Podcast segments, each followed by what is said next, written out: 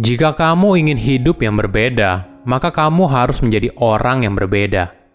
Halo semuanya, nama saya Michael. Selamat datang di channel saya, Sikutu Buku.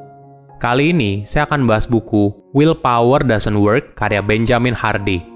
Sebelum kita mulai, buat kalian yang mau support channel ini agar terus berkarya, caranya gampang banget. Kalian cukup klik subscribe dan nyalakan loncengnya Dukungan kalian membantu banget supaya kita bisa rutin posting dan bersama-sama belajar di channel ini.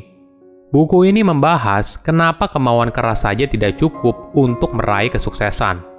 Jika kamu bergantung terlalu banyak pada kemauan keras, biasanya kamu akan berakhir gagal. Ada perspektif yang menarik Daripada kamu terlalu bergantung pada kemauan keras, bagaimana bila kamu fokus menciptakan lingkungan yang kondusif sehingga lingkungan tersebut membantu kamu untuk mencapai tujuan yang kamu inginkan? Ben berargumen, sukses itu sebenarnya tidak begitu sulit. Kamu hanya butuh 20 langkah ke satu arah yang sama. Namun kebanyakan orang hanya mengambil satu langkah ke 20 arah yang berbeda. Inilah yang membuat kebanyakan orang gagal mencapai tujuan yang mereka inginkan dan hanya sedikit yang berhasil. Saya merangkumnya menjadi tiga hal penting dari buku ini. Pertama, kenapa kemauan keras saja tidak cukup? Ada sebuah perumpamaan yang menarik dari Charles Darwin. Spesies yang bertahan hidup bukanlah yang terkuat, bukan pula yang paling cerdas, tapi yang paling mampu beradaptasi pada perubahan. Ini alasan utama kenapa Ben menekankan kalau kemauan keras saja tidak cukup untuk membantu seseorang dalam mencapai kesuksesan. Tapi jauh lebih penting adalah bagaimana kita bisa membangun lingkungan yang kondusif sehingga bisa mengarahkan kamu untuk menuju kesuksesan yang kamu inginkan. Perlu disadari, kemauan keras merupakan sumber daya yang terbatas. Kemauan keras sering kali disamakan dengan otot. Kamu hanya bisa menggunakannya dalam waktu yang singkat sebelum akhirnya menjadi terlalu lelah. Ini bukan hal yang baru sebenarnya. Banyak psikolog juga sudah pernah mengungkapkan fakta ini. Namun sering kali ketika ingin merubah hidup yang dijalani, kebanyakan orang terlalu bergantung pada kemauan keras. Tapi kemauan keras hanya akan membawa mereka hingga ke titik tertentu saja, hingga akhirnya berhenti membantu mereka untuk memberikan hasil yang diinginkan. Seperti halnya otot, kemauan keras juga punya batasan hingga akhirnya menjadi letih. Oleh karena itu, hanya bergantung pada kemauan keras saja merupakan pilihan yang buruk. Hampir seluruh perilaku kita dibentuk oleh lingkungan, Contoh paling mudah adalah di pesawat terbang. Dulu ketika tahun 1970-an, merokok di dalam pesawat adalah hal yang lumrah. Namun sekarang, hal ini dilarang di hampir seluruh penerbangan. Pelarangan inilah yang membuat penumpang pesawat tidak lagi merokok di dalam pesawat, walaupun mereka adalah perokok. Jika kita bicara soal kemauan keras, maka kita harus paham soal cara kerja otak. Pertama adalah cara kerja otak otomatis yang berada pada alam bawah sadar. Contohnya seperti ini. Saat kamu belajar mengendarai mobil, pada saat awal pasti kamu butuh perhatian dan kesadaran penuh. Kamu belajar cara mengatur tenaga yang pas untuk menginjak rem atau pedal gas. Setiap momen berjalan dengan penuh kesadaran.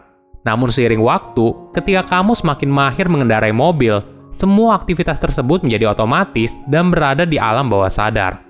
Beda dengan kemauan keras, semua ini terjadi dengan penuh kesadaran dan inilah yang membuatnya merupakan sumber daya yang terbatas. Kedua, menciptakan lingkungan yang kondusif.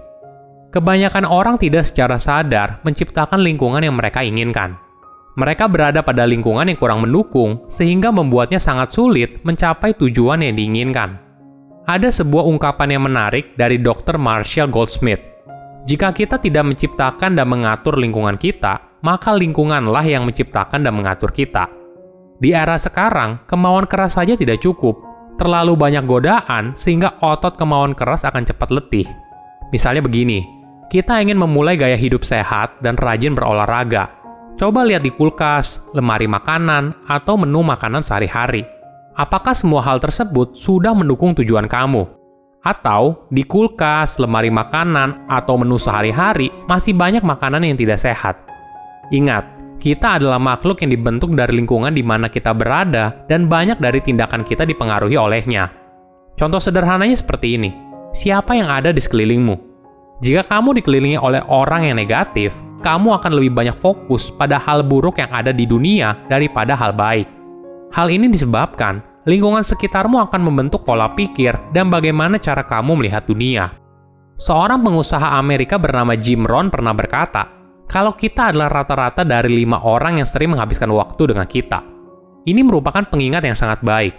Orang yang banyak menghabiskan waktu dengan kita akan membentuk bagaimana kita berpikir dan berperilaku. Hingga akhirnya, kita akan menjadi mirip seperti mereka. Kita juga sering dengar kalau orang yang pacaran atau menikah, lama-kelamaan mereka akan menjadi semakin mirip. Cara sederhana yang bisa kita lakukan adalah imajinasi tentang masa depan. Sebagai contoh, kamu bisa mengimajinasikan besok seperti apa di malam sebelumnya. Hal ini akan membantu kamu menjadi lebih sadar atas pilihan yang kamu akan ambil di masa depan. Misalnya apa yang mau kamu makan besok, pekerjaan apa yang harus kamu selesaikan, dan sebagainya. Jika kita meluangkan waktu untuk melakukan imajinasi soal masa depan, maka kita akan menjadi sadar atas diri kita sendiri dan membuat pilihan dengan lebih baik. Ketiga, tips untuk komitmen ada sebuah kutipan yang menarik dari penyair Amerika Serikat bernama Ralph Waldo Emerson. Ketika kamu membuat sebuah keputusan, maka alam semesta akan membuat hal tersebut menjadi kenyataan. Jika kamu membutuhkan kemauan keras untuk melakukan suatu hal, maka kamu mungkin belum yakin apa yang kamu mau. Karena ketika kamu membuat sebuah keputusan, maka tidak akan ada lagi pergumulan di dalam diri. Hal yang sama juga dikatakan oleh pemain bola basket terkenal Michael Jordan. Ketika saya membuat keputusan, saya tidak pernah berpikir hal itu lagi. Biasanya, kebanyakan orang bergantung pada kemauan keras karena dirinya entah belum tahu apa yang dia mau atau belum memutuskan apa yang dia mau. Jadi, usaha yang dilakukan malah tidak maksimal. Namun, ketika kamu sudah membuat keputusan, langkah selanjutnya adalah soal komitmen. Ada beberapa faktor yang bisa menentukan seberapa besar komitmen kamu dalam suatu hal. Mulai dari investasi di awal, informasi keputusan kamu di depan umum, membuat target, dan menghilangkan gangguan pada lingkungan yang bertentangan dengan komitmen kamu.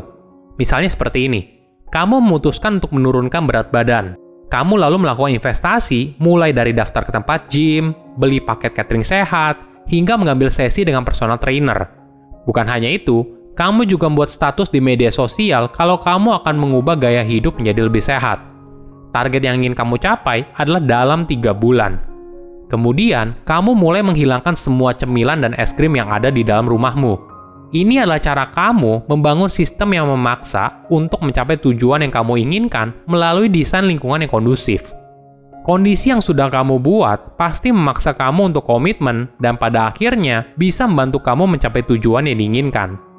Pohon yang tumbuh di lingkungan yang berangin dan berat dipaksa untuk menanam akar yang lebih dalam sehingga membuatnya lebih kuat menghadapi lingkungan yang sulit. Sama halnya dengan manusia kuat yang dibentuk oleh pilihan yang sulit. Silahkan komen di kolom komentar pelajaran apa yang kalian dapat ketika baca buku ini. Selain itu, komen juga mau buku apa lagi yang saya review di video berikutnya. Saya undur diri, jangan lupa subscribe channel YouTube Sikutu Buku. Bye bye.